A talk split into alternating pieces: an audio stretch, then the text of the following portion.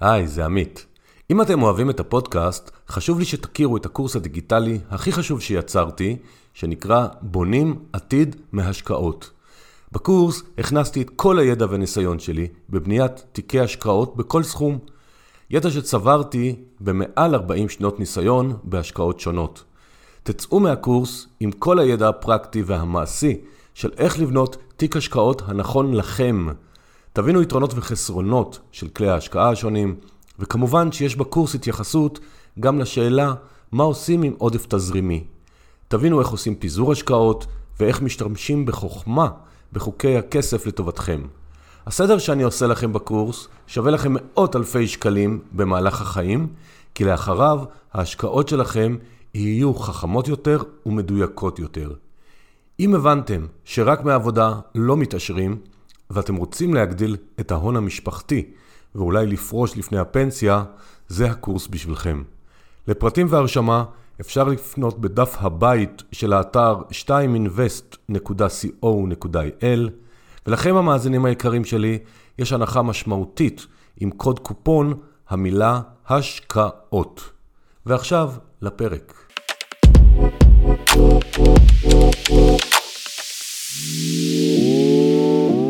שלום לכולם, אני עמית אשת, אנחנו בפודקאסט כסף והשקעות. תודה שבחרתם להאזין לנו היום, והיום יש לנו פרק על השקעות דרך אופציות. אנחנו בפרק 111 ועדיין לא עשיתי אף פעם פרק על אופציות. זה תחום שיש לו הרבה מאוד סטיגמות של מסוכן, אה, ואולי זה סטיגמה, אולי זה לא. והיום ביחד ננסה ללמוד ולהבין יותר לעומק. האורח שלי הוא ידידיה אוב אפק. שלום ידידיה. שלום עמית. ידידיה הוא בן 38, הוא אנליסט, משקיע עצמאי ומנהל את התוכן בחברת גלברט כהנא, והוא גם עורך קורסים בנושא אופציות, אנחנו נרחיב על זה בהמשך. ולפני שנתחיל, יש לי בקשה קטנה. כל מי שמאזין לפודקאסט באיזושהי אפליקציה, אם זה ספוטיפיי, אפל, גוגל, לא משנה איזה, יש אפשרויות לדרג. אם אתם מוכנים לתת את הדירוג, כמה כוכבים שאתם חושבים שזה שווה, זה יעזור לי פשוט להגיע לעוד עיניים, אוזניים, ואני רוצה להגיע לכמה שיותר אנשים, וזה בזכותכם, וככה גם יותר אנשים מגיעים לקהילת הפייסבוק, לכנסים, עוד חברים, אז זה יהיה אחלה. ועוד דבר לפני שנתחיל, מה שנקרא גילוי נאות, כל מה שנגיד בפרק הוא נועד להיות מידע לימודי בלבד. אנחנו לא ממליצים על שום השקעה מכל סוג שהוא, בטח לא באופציות. כל אחד שיבדוק עם הגורם המקצועי, יתייעץ ויחליט מה מתאים לו ומה לא. אנחנו רק באים לתת ידע. אני אישית לא מכיר את התחום הזה, חוץ מאיזה קורסים שעשיתי לפני שנים רבות, אז זה לא נקרא שאני מכיר, אז אנחנו נלמד ביחד. ואני מקווה שהשאלות שלי לא מטומטמות, כי כרגיל, ידידיה לא ראה את השאלות מראש, אז אני מקווה שהצלחתי להכין שאלות אינטליגנטיות, שלא יראו כמה אני בור בתחום. והשאלה הראשונה, ידידיה, זה אתה עבדת כאנליסט בפסגות, וגם במחקר בתחום מדדים בחברת אינדקס. איך מגיעים מהדברים האלה, שכביכול קונבנציונליים, לתחום האופציות? קודם כל, תודה רבה אה, שאתה מארח אותי פה, עמית, אה, כיף להיות פה. אני חושב שנכנסתי לעולם האופציות, א', כי אני בן אדם אה, מתמטי, אני חושב במספרים. התחברתי מאוד לתחום של הנדסה פיננסית בכלל ולנגזרים בפרט, בעיקר מלימוד עצמי. אני מגדיר את עצמי אוטודידקט. יצא לי להיחשף לנושא הזה דרך אה, קורס, קורס מקצועית א', אה, להכנה למבחני הרשות לניירות ערך. אה, אני מניח שרבים מהמאזינים או רבים מהיועצי ההשקעות גם נחשפו פעם ראשונה בקורס הזה לעולם האופציות, ופשוט העמקתי יותר והמשכתי לחקור את הנושא יותר. וככל שלמדתי אותו יותר, לא חסרים אה, מקורות לימוד, באמת, לתחום הזה. אה, ככה גיליתי שאני מתחבר לזה יותר, ולקחתי את זה כל פעם צעד אחד קדימה. אז הזכרת את המילה נגזרים. כן. מה זה שוק הנגזרים? אז ככה, נגזרים, בשונה מניירות הערך שאנחנו כולנו מכירים, שזה מניות, קרנות צה"ל, אג"חים, נגזרים הם בעצם מכשיר פיננסי שאין לו אה, ערך אה, בפני עצמו, אלא הוא, הערך שלו נגזר מערך של אה, אה, נכס אחר. אה, סתם לדוגמה, אופציה, שהיא סוג של נגזר פיננסי, אה, נותנת את, ה, את האפשרות לקנות או למכור נכס אחר אה, במחיר מסוים, אה, בתאריך מוגדר מראש. זה כמו מין אה, חוזה, אה, שהוא בעצם חוזה שכיר, ש, שמאפשר לך להרוויח או להפסיד אה, מתזוזות של נכס אחר. ובגלל שהמחיר של, של אותה אופציה נגזר מהמחיר של נכסים אחרים, אז אנחנו מכנים אותם נגזרים. מעולה, אז אנחנו כבר התחלת לגעת קצת באופציות. אני רוצה אבל לשאול עוד שאלת מקרו לפני שבאמת נרד למיקרו ומיקרו, מיקרו, מיקרו. יש פה מה שגם אמרתי בהתחלה, יש מה שנקרא הפיל שבחדר, שאופציות נחשבות לדבר מסוכן. אז לפני שניכנס ממש מה זה אופציות ואיך סוחרים ו- ו- וטקטיקות ואסטרטגיות, אני רוצה שנתחיל רגע במקרו דווקא. מה הסטיגמה פה ומה האמת? זאת אומרת, ברור לי שאתה מאמין שזה לא כזה מסוכן, כי אחרת לא היית עוסק בזה. אבל לא יעזור כלום, השוק, במרכאות, מדבר על זה שאופציות, מסוכן. בוא קצת תפוגג לנו את הפיל שבחדר ותסביר לנו למה יצאה הסטיגמה ולמה לדעתך זה שגוי. אני אתן פה איזושהי קלישאה, ואני אגיד שאופציה, מסחר באופן כללי בשוק ההון, קצת דומה לנהיגה ברכב, אוקיי? ברכב הפרטי שלכם.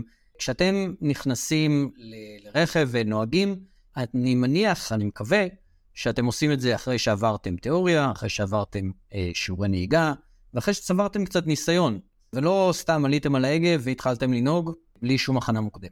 ברגע שעושים את זה, שעולים על הרכב ו- ונוהגים אחרי אה, אה, אה, הכנה מתאימה, אז אה, בעצם הנהיגה צריכה להיות אחראית ובהתאם לחוקי הדרך, והיא לא מסוכנת כל עוד באמת מצייתים לחוקי הדרך ונוהגים כמו שצריך, נכון? זה אותו דבר, שוק ההון, לדעתי. מי שנכנס לתחום הזה, להשקעות בכלל, מבלי שהוא למד לפני זה אפילו הבנה בסיסית, מבלי שהוא קצת התייעץ וקצת אה, אה, חקר אה, קצת יותר לעומק, אה, ופשוט קונה או מוכר דברים בלי, בלי חשבון, יכול לעשות הרבה נזק, לעצמו בעיקר. לפעמים יכול לקרות אה, אה, ב, אה, באופן מקרי בהחלט שבן אדם כזה ירוויח גם, אבל ברוב המקרים אותו בן אדם חסר ניסיון או חסר אה, אה, ידע יכול להפסיד הרבה. בשוק הנגזרים הדבר הזה הוא אפילו יותר אה, אה, משמעותי, מהסיבה הפשוטה שבאופציות אפשר להפסיד די מהר את כל הסכום שהשקעת. כלומר, 100% מההשקעה אפשר להפסיד.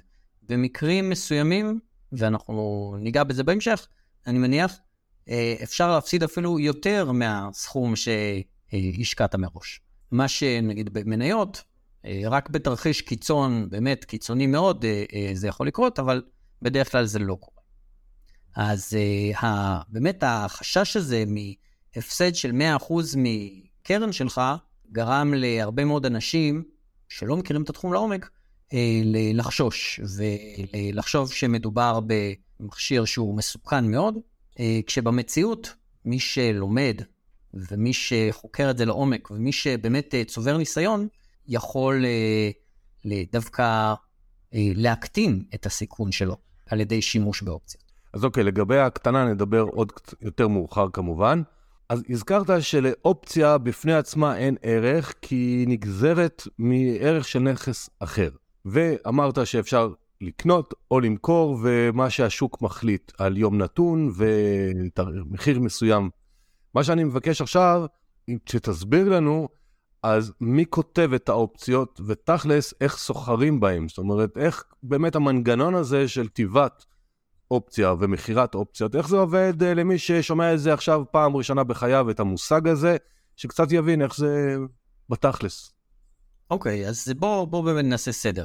אופציות נחלק את זה לאופציות קאיות, אה, שאני מתעסק בהן יותר, מול אופציות אה, אירופאיות, שזה מה שמקובל פה בארץ. אם אה, אי פעם שמעתם את המונח אופציות מעוף, הכוונה היא לאופציות מסוג אירופאי, שנסחרות כאן בבורסה הישראלית. בואו נדבר לשם הפשטות על אופציות אירופאיות, שזה יהיה ברור לכולם. אז אופציות באמת מתחלקות לשני סוגים. יש אופציות call, מה שנקרא אופציית רכש, ואופציות put, בעברית אופציית מכר. אופציות uh, רכש, הן מקנות לך את האפשרות, uh, אבל לא את החובה, לקנות נכס אחר. אוקיי? אם אה, נניח אנחנו מדברים על אה, מדד תל אביב 35, כאן בבורסה, אה, אז האופציות על המדד מאפשרות לך לקנות את המדד במחיר מסוים, שהוא נקרא מחיר המימוש, בתאריך מסוים, שזה נקרא תאריך מימוש. כל אופציה כזו, אפשר לקנות אותה, או אפשר למכור אותה. לא משנה אם אתם משקיעים קטנים או מוסדיים גדולים שמנהלים המון כסף, ההתנהלות תהיה אותה התנהלות. מי שרוצה לקנות אופציה כזו, למשל אופציה, אופציית רכש אה, לקנייה של אה, מדד תל אביב 35 בשער אה, 1700 נניח, אה, לפקיעה של חודש פברואר, שזה בערך בעוד אה, חודש מהיום, נכון לתאריך ההקלטה שלנו. מחיר של האופציה הזו הוא נגזר מכל הפרמטרים האלה שהגדרנו, ממחיר המימוש, ממועד המימוש, אה, ומהשער שבו נסחר המדד, כלומר נכס הבסיס, אה, כרגע. עכשיו, אני לא אכנס אתכם בדיוק לחישוב, איך, איך זה מתבצע, יש נוסחה אה, די מורכבת שמאפשרת לחשב את הדבר הזה, אבל, אבל זה די מיותר כרגע. בואו נגיד רק שמחירי האופציות בסופו של דבר נקבעים בדיוק כמו כל נכס פיננסי אחר, לפי היצע וביקוש בשוק. כלומר, יש קונים, יש מוכרים, והמחיר של האופציה נקבע לפי האיזון ביניהם. אם אתם רוצים לקנות אופציה כזו, אתם לא צריכים יותר מדי. יש uh, סכום מסוים שאתם צריכים לשלם, אתם קונים אותה.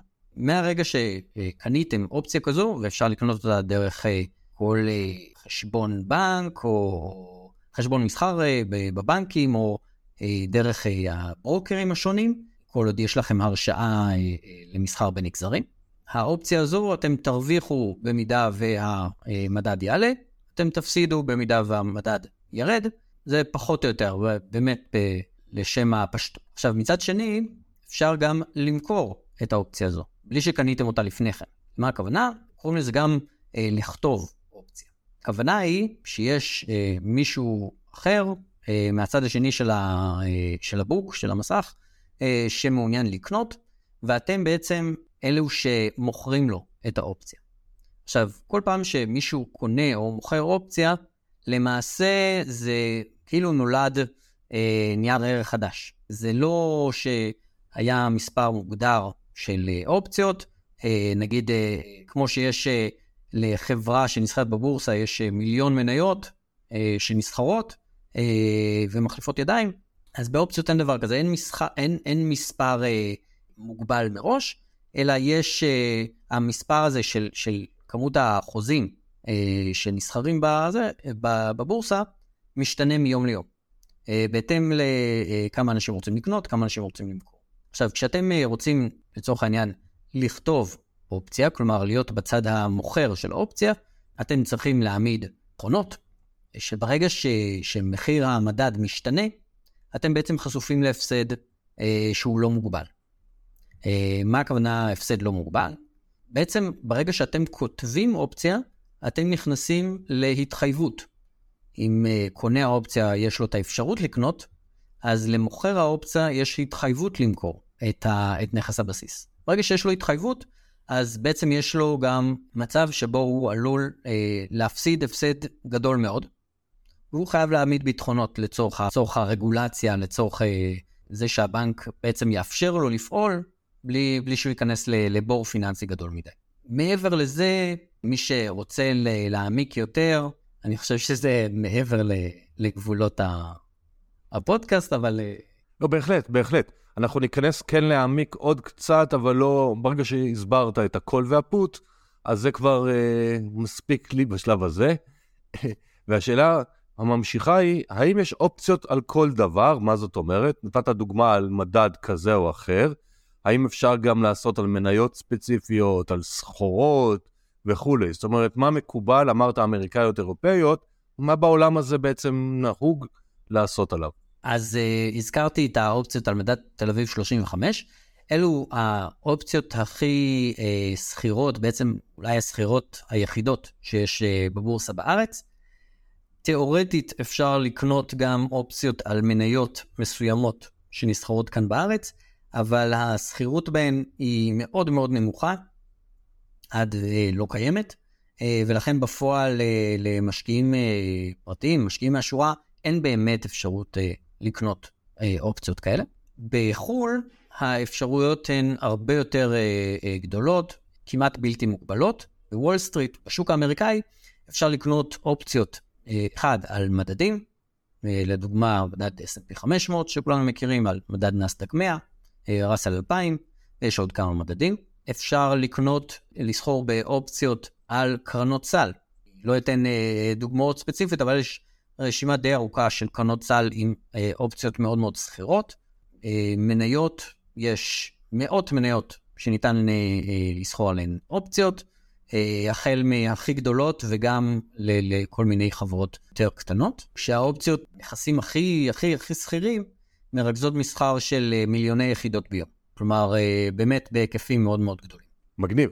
הזכרת שאפשר לעשות את זה תכלס דרך ברוקרים, והרבה ברוקרים הרי כן מאפשרים מסחר גם בחו"ל, אז האם יש סכומי מינימום? זאת אומרת, האם יש לנו מאזינים שאומרים, יאללה, המשחק הזה מדליק אותנו על אלף שקל, סתם אני מספר, אפשרי או שיש פה סכומי מינימום שהם גדולים? בדרך כלל, אה, כשמדובר בחשבון מסחר אה, דרך אה, ברוקר כלשהו, בין אם זה ברוקרים בארץ או בחו"ל, לרוב תהיה איזושהי דרישה לסכום מינימום רק כדי לפתוח חשבון. לצורך מסחר באופציות, האמת שגם עם חשבון מסחר קטן יחסית, אפשר לסחור באופציות ואפשר גם לייצר תשואה יפה באמצעות אופציות, אם יודעים לעבוד נכון, עם ניהול סיכונים נכון, ובעצם להכיר במגבלה שלך, מישהו עם חשבון מסחר קטן, ולעבוד בהתאם. לא, אז תכף ניכנס לאסטרטגיות, אבל מה זה קטן? קטן זה דבר יחסי.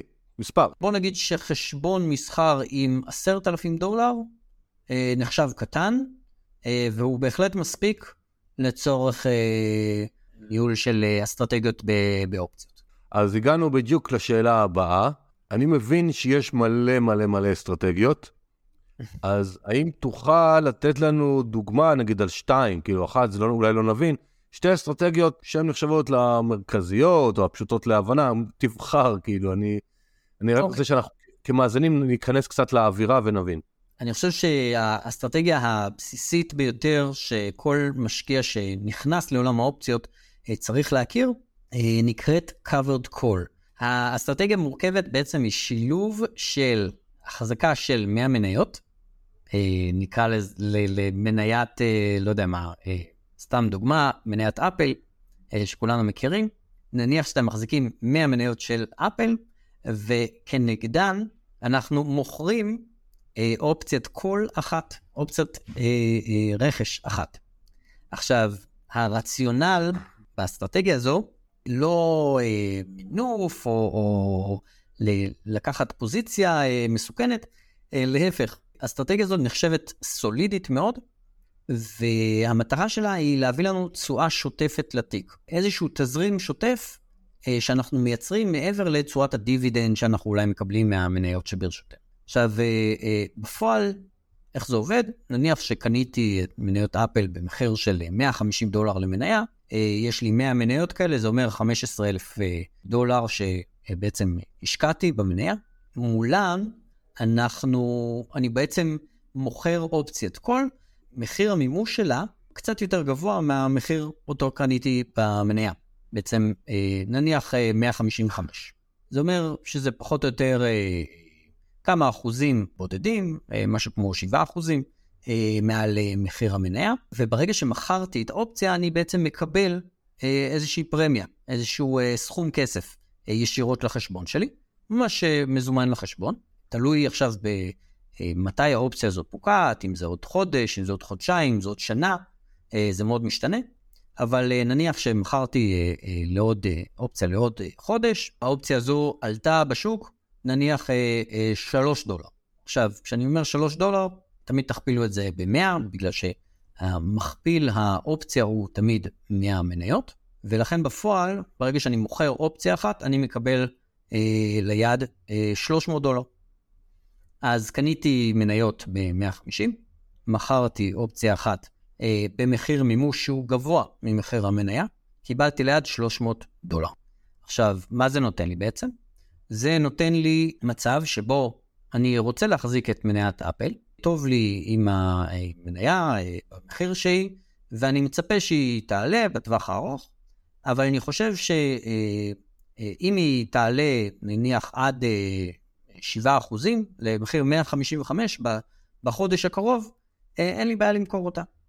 ואני אמכור אותה כי פשוט אני מתחייב למכור אותה במידה והיא תעלה מעל שער 155. זה, זה מה שעשיתי בעצם כשמכרתי את האופציית קול.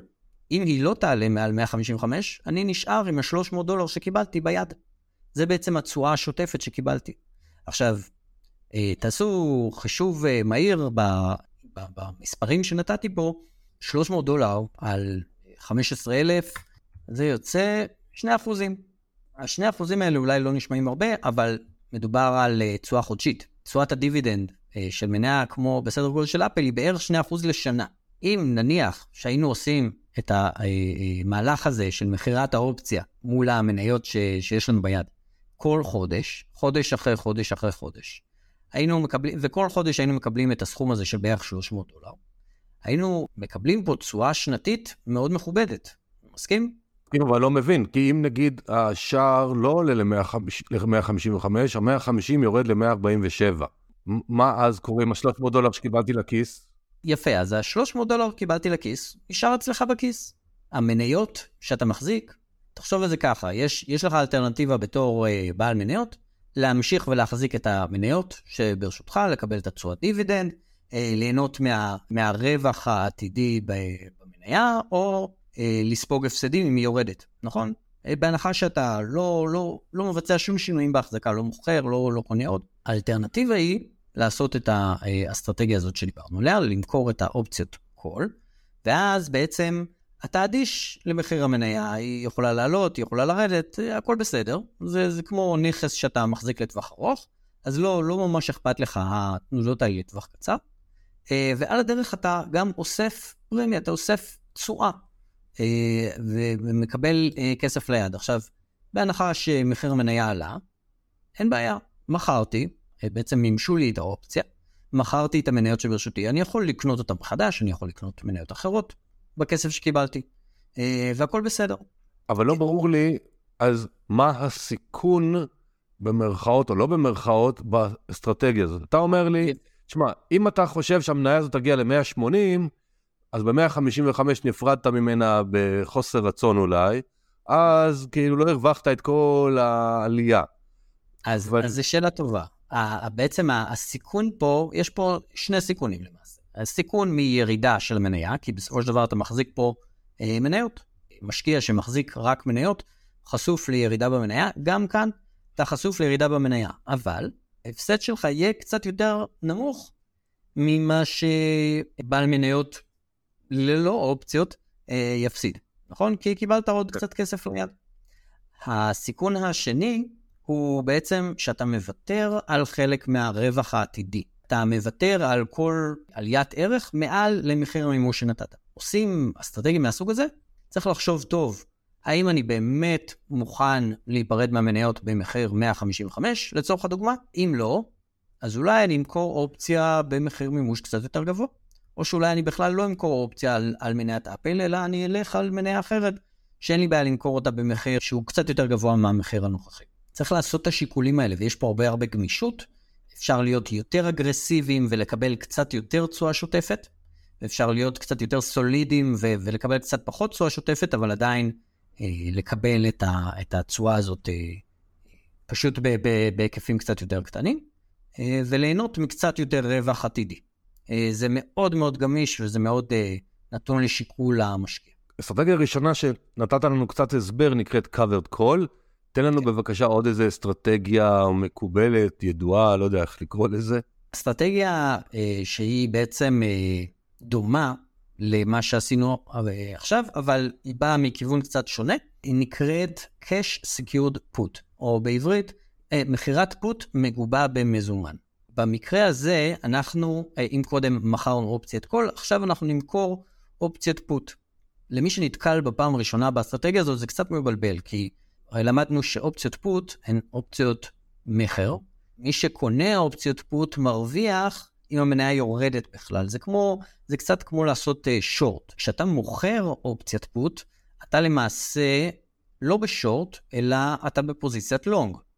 למה? כי אתה בעצם מתחייב לא לקנות, אלא, אה, אה, לא למכור, סליחה, אתה מתחייב לקנות את המניה במחיר מסוים. אני אתן עוד פעם את הדוגמה של אפל. אם לדוגמה אפל עכשיו במחיר של 150 דולר, ואני חושב שהיא תעלה בטווח הקצר, אה, אבל אני לא בטוח. אני רוצה לקחת מרווח ביטחון. מה שאני אעשה, אני אמכור אופציית פוט על מניית אפל במחיר מימוש של נניח 140, אוקיי? כלומר, זה בערך אה, אה, משהו כמו 7 אחוז, 7 אחוזים, 8 אחוזים, משהו כזה, מתחת למחיר המניה.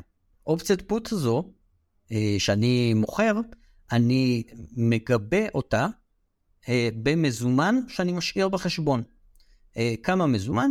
140 דולר כפול 100. למה? כי במקרה שמניית אפל יורדת אל מתחת ל-140 דולר, אני בעצם מחויב לקנות את המניות. אני מחויב לקנות אותן במחיר של 140 דולר. עכשיו, ברגע שבעצם גיביתי את עצמי, השכבתי בחשבון שלי אה, את הסכום הזה של ה-14,000 דולר, בעצם אה, אני לא ממונף, ואין לי סיכון ל... לאיזשהו, אה, שהברוקר יתקשר אליי ויגיד לי ש, שיש לי אופציה שפוקעת ו, ויש פה אה, איזשהו אה, אה, סיכון מהפסד, אני אה, מגובה לחלוטין, יש לי את המזומן מוכן, ואני מוכן לקנות את המניות במחיר 140. אה, והכל בסדר. בהנחה שמחיר המניה באמת יורד מתחת ל-140, אז קניתי את המניות אה, במחיר שרציתי, ואני מחזיק אותן. עכשיו, כמובן שאני חשוף להפסד פה אם המניה יורדת הרבה מתחת ל-140. וזה באמת סיכון, הסיכון העיקרי פה. אבל זה בדיוק כמו להחזיק במניות עצמן, נכון? אם החזקתי ב-100 מניות והמניה יורדת, הפסדתי כסף. אבל זה כסף שנשאר בחשבון, אני לא מחויב לממש, אני יכול לחכות שיהיה תיקון. אם אני מכרתי אופציה, נכון. אני... הסיכון הוא שונה. נכון, נכון. במקרה ש... שמחיר המניה נשאר מעל 140, נניח שעכשיו המניה ב-150, היא לא חייבת אפילו לעלות, היא יכולה רק להישאר במקום, אוקיי? אני עדיין ארוויח באסטרטגיה הזאת. איך אני ארוויח? כי כשמכרתי את האופציית פוט, אני בעצם מקבל פרמיה ליד. בדיוק כמו במקרה הקודם. אני קיבלתי פרמיה, והפרמיה הזו נניח שגם במקרה הזה היא שווה בערך 3 דולר לאופציה, או 300 דולר אה, בסך הכל. אני קיבלתי את הכסף הזה ליד, אני שומר אותו אצלי בכל מקרה. אם האופציה פקעה ללא תמורה, כלומר שמחיר המניה היה גבוה מ-140, הכסף הזה נשאר אצלי כתשואה, כרווח נקי. זה יוצא גם כמה אחוזים בודדים, אבל אה, אם, עוד פעם, אם עושים את זה חודש אחרי חודש אחרי חודש, ועושים את זה בהתמדה ועושים את זה בצורה נכונה, אה, אפשר באמת אה, לייצר תשואה די יפה, אפילו, אני לא רוצה להגיד מספרים יותר מדי, לא שלא יישמע כאילו אני מתחייב לאיזה משהו, אבל זו תשואה יפה ש, שבאמת לא מביישת אף משקיע. אני מנחש שאתה מדבר על בצורה נכונה ומאוד מאוד נזהר, אז אתה נזהר מלהגיד את המילה מינופים, אז אני רוצה להכניס אותה למשוואת ההתעסקות. כן. איזה מינופים בעצם מקובל אצל הברוקרים, זאת אומרת, מה זה מקובל? הברוקרים מאשרים לעשות, וחשוב לי שתסביר גם עד כמה זה עלול להיות מסוכן, שנראה גם את התמונה המסוכנת ולא רק את. התוצאות היפהפיות okay. שעשויות כן. גם להיות. קודם כל אני אסביר ששתי האסטרטגיות שעליהן דיברתי עד עכשיו, הן אה, ללא מינוף בכלל. הן נחשבות מאוד מאוד סולידיות. אבל אה, עולם האופציות מאפשר באמת אה, מינוף בהיקף מאוד גבוה. הזכרתי קודם את המכפיל של האופציה שהוא של 100 מניות. בעצם מה שהוא אומר זה שאופציות מאפשרות מינוף של עד פי 100. כשאתה קונה אופציה, אתה חשוף ל... אה, שינוי במחיר המניה כאילו החזקת עכשיו 100 מניות. בפועל שילמת, בהנחה שקנית אה, אה, אופציה, אה, אופציית אה, call, לדוגמה, על מניה מסוימת, אתה חשוף ל, ל, לשינויים באותה מניה במינוף מאוד מאוד גבוה. המינוף הזה עובד לשני הצדדים כמובן. הוא עובד גם בירידה וגם בעלייה, והוא יכול להביא ל, לרווחים מאוד משמעותיים אם המניה עולה, בטווח זמן שעד שהאופציה פוקעת, והוא יכול להביא להפסדים מאוד גדולים אם המניה יורדת. חשוב להבין שאופציות הן לא משהו דו-ממדי, כמו מניות. למה אני מתכוון? אי אפשר להתייחס אך ורק לשינוי במחיר המניה, כלומר, האם המניה עולה או המניה יורדת, צריך גם להתייחס לשני ממדים נוספים, שאחד זה מימד הזמן. בעצם כשאנחנו קונים אופציה, הזמן עובד לרעתנו, אנחנו במרוץ נגד הזמן. דבר נוסף, מה שנקרא סטיית התקן הגלומה. שמה שאני מתכוון פה בשפה, אני אנסה להפשיט את זה כמה שיותר, למי שלא מכיר את הטרמינולוגיה, הכוונה היא לתפיסת הסיכון של השוק. אם השוק אה, חושב עכשיו, אם המשקיעים עכשיו חושבים ש, שהסיכון עלה מאוד, אז אה, זה אומר שסטיית התקן הגלומה בעצם עלתה, וזה מייקר מאוד את מחירי האופציות. מי שלא מתחשב בפרמטר הזה, אה, יכול למצוא את עצמו עם הפסד שהוא בכלל חשב ש... שהוא יגיע לרווח, שהוא שקלל את כל הנתונים וראה שהמניה עולה וזה, ו... ובסוף הוא אה, בכלל לא מרוויח. באמת זה, זה משהו שחייבים אה, לשים לב אליו. אה, אני מכנה את זה אה, ארבעת הממדים שיש אה, לשים לב אליהם. בלי הבנה טובה של הממדים האלה, באמת קשה, קשה ל... ל... לסחוט ב... בעולם האופ. כן, ולכן גם הזכרתי בהתחלה שאתה מלמד את הדברים, כי מאזינים יקרים, אנחנו באמת דוגמים פה את, ה, את הרעיונות המרכזיים בעולם האופציות, אבל אסטרטגיות יש מלא, והמינופים, ותכף אני אשאל עוד שאלה שיש בה כל מיני טריקים, איך להשתמש טריקים עוד פעם אה, של ניסיון, לא איזה רמאויות. אז באמת, מי ששוקל להיכנס לזה, אה, אז ידידיה אמר שיש מלא חומר אה, באינטרנט, יש קורס שלו, קורסים אחרים, אבל תעשו לעצמכם טובה, תבינו מה אתם עושים. אז אני רוצה להמשיך את המינופים, את השאלה, זה בגידורים לסיכון. האם יש גידורים יחסית פשוטים שכל משקיע, או כלומר מאזין מאזינה, שבהנחה שרובנו זה לא איזה מיליארדרים גדולים, אה, יכול אה, להשתמש בהם? זו שאלה טובה, כי בסופו של דבר אה, עולם האופציות או עולם הנגזרים בכלל, התחיל את דרכו לפני למעלה מ-100 שנים, התחיל איזשהו מקום לגדר אה, חשיפה לכל מיני דברים. אה, אה, עולם החוזים התחיל, אה, עולם החוזים העתידיים התחיל ב, בשוק ה... אצל החקלאים, שרצו לגדר אה, מפני ירידה של מחיר החיטה או מחיר התירס, אוקיי? אה, ועולם אה, האופציות אה, נולד אה, מתוך אה, רצון של משקיעים מוסדיים גדולים להגן על תיק ההשקעות שלהם. עכשיו, ה... אה, בעצם, מה זה אומר לגדר? זה אומר להגן מפני הפסד מבלי למכור את המניות שלנו, אוקיי? אנחנו רוצים להמשיך ולהחזיק את המניות שלנו לטווח כמה שיותר ארוך. אנחנו מאמינים ב... לא יודע, בכלכלה האמריקאית, לצורך העניין, רוצים אה, להיות אה, חשופים לשוק המניות, אבל אנחנו כן חוששים קצת מהפסדים. יש הרבה חוסר ודאות בשוק, ואנחנו רוצים להיות מוכנים לכל אירוע. אז uh, בעצם שוק האופציות נותן לנו אפשרות לגדר את ההשקעות שלנו. Uh, ואיך עושים את זה? הדרך הכי פשוטה והכי קלה לעשות את זה היא דרך קנייה של אופציות פוט. אוקיי? אופציות פוט, הזכרתי את זה קודם, הן מייצרות לך רווח, נכס הבסיס, לצורך העניין המדד, אם המדד יורד. אז בעצם האופציה שיש ברשותך שווה יותר. עכשיו, אה, אם המדד ירד ושווי האופציה עלה, אז הם מקזזים אחד את השני, ובעצם אתה נשאר עם אה, גידור של הסיכון, גידור של ההפסד. זו הדרך הכי פשוטה אה, לגדר הפסדים. כמובן שיש לה עלות, לקנייה של אופציה יש עלות, ולכן לא כדאי לגדר תמיד תיק ההשקעות שלכם, כי בסופו של דבר אתם תשלמו עלות לא קטנה על זה. למי שבכל זאת אה, רוצה לצמצם את הסיכון שלו בתיק וקצת אה, אה, חושש מאיזושהי ירידה או אירוע נקודתי, יש דרכים יותר יעילות ויותר זולות אה, לגדר את, ה, את הסיכון בתיק, אבל זה כבר טיפה יותר למתקדמים. מעולה.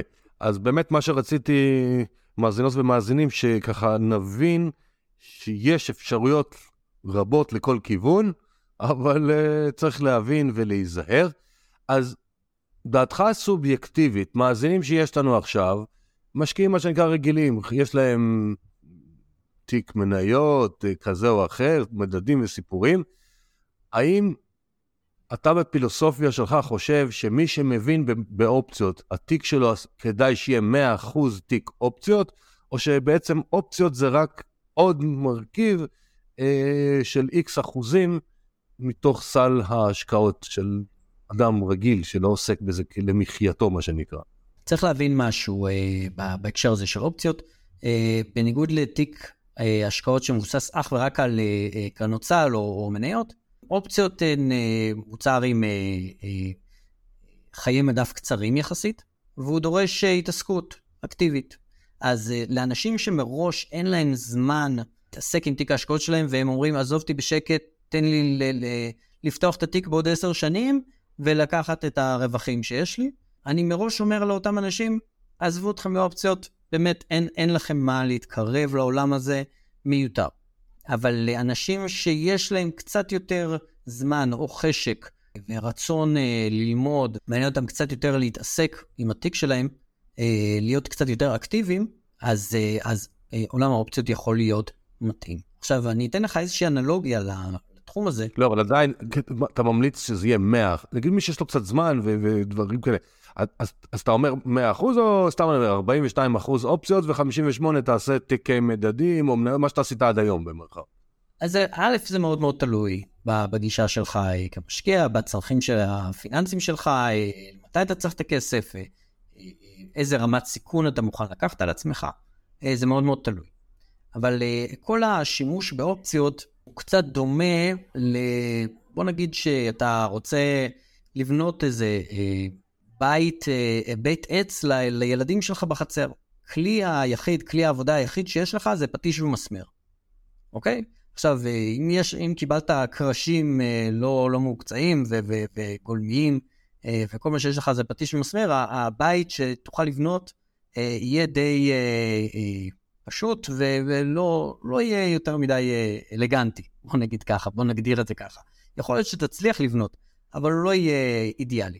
אם לעומת זאת תשתמש בכל, אה, בארגז כלים יותר גדול, יותר אה, מסור ועם אה, משחזת ועם כל הכלים המתאימים לבנייה של בית עץ, אז יצא לך משהו הרבה יותר, תוצר סופי הרבה יותר טוב. וזה אותו דבר עם אופציות, כי בסופו של דבר האופציות הן עוד כלי עבודה שיכול להיכנס לארגז הכלים שלך כמשקיע. אם בן אדם מגביל את עצמו מראש אך ורק ל... לא יודע מה, למדדים, הוא, זה כמו אותו בן אדם שבחר להשתמש אך ורק בפטיש ומסמר, יכול להיות שהתיק שלו יכול להיות בנוי בצורה יותר אידיאלית, יותר נכונה, אה, אם הוא היה משתמש בכל הכלים שעומדים לרשותו. אה, אז אין לי באמת תשובה חד משמעית לגבי האם זה, זה 40 אחוז לפה, 60 אחוז לשם, או משהו כזה, אבל אני מכיר אנשים שמתנהלים נהדר עם 100% אה, אסטרטגיות באופציות בתיק שלהם, ויש אנשים כמוני, למשל, שמשלבים אה, מניות עם אופציות בתיק באסטרטגיות שונות, אה, וזה גם משתנה בהתאם ל, ל, ל, למצב בשוק, בהתאם ל, להזדמנויות שיש. אז זה באמת אה, משתנה. אז כשמדברים על אופציות, אה, לא משנה לי כרגע בשאלה, call, put, אמרת שזה צריך להיות גם מעורב בזה, זאת אומרת, זה לא שגר ושכח כמו איזה מדד תל אביב 35 שהזכרת, אני רוצה לצאת לפנסיה, עוד 15 שנה, נקווה לטוב. נכון. אז ההשקעה הכללית שאני קונה או כותב אופציה, זה בדרך כלל ימים, שבועות, חודשים, זאת אומרת, איזה טווח זמן אנחנו צריכים להסתכל על זה? אוקיי, אמ, אפשר, אה, זה, זה, דיברתי קודם על גמישות. זה גם מאוד מאוד גמיש בהיבט הזה. יש אופציות שפוקעות כל שבוע, יש אופציות שפוקעות אה, אחת לחודש, ויש אופציות שפוקעות אה, בעוד רבעון או שני רבעונים, עוד שנה ואפילו עוד שנתיים. כשאתה אה, מגיע ורוצה לעשות את הבחירה של האופציות שאתה רוצה לקנות או למכור, אתה בעצם אה, צריך לקבל פה איזושהי החלטה מראש של אה, אה, מימד הזמן. בעצם, לאיזה תקופה אני רוצה עכשיו אה, להשקיע? האם זה לשנה הקרובה? האם זה לשנתיים הקרובות? האם זה רק לחודש הקרוב?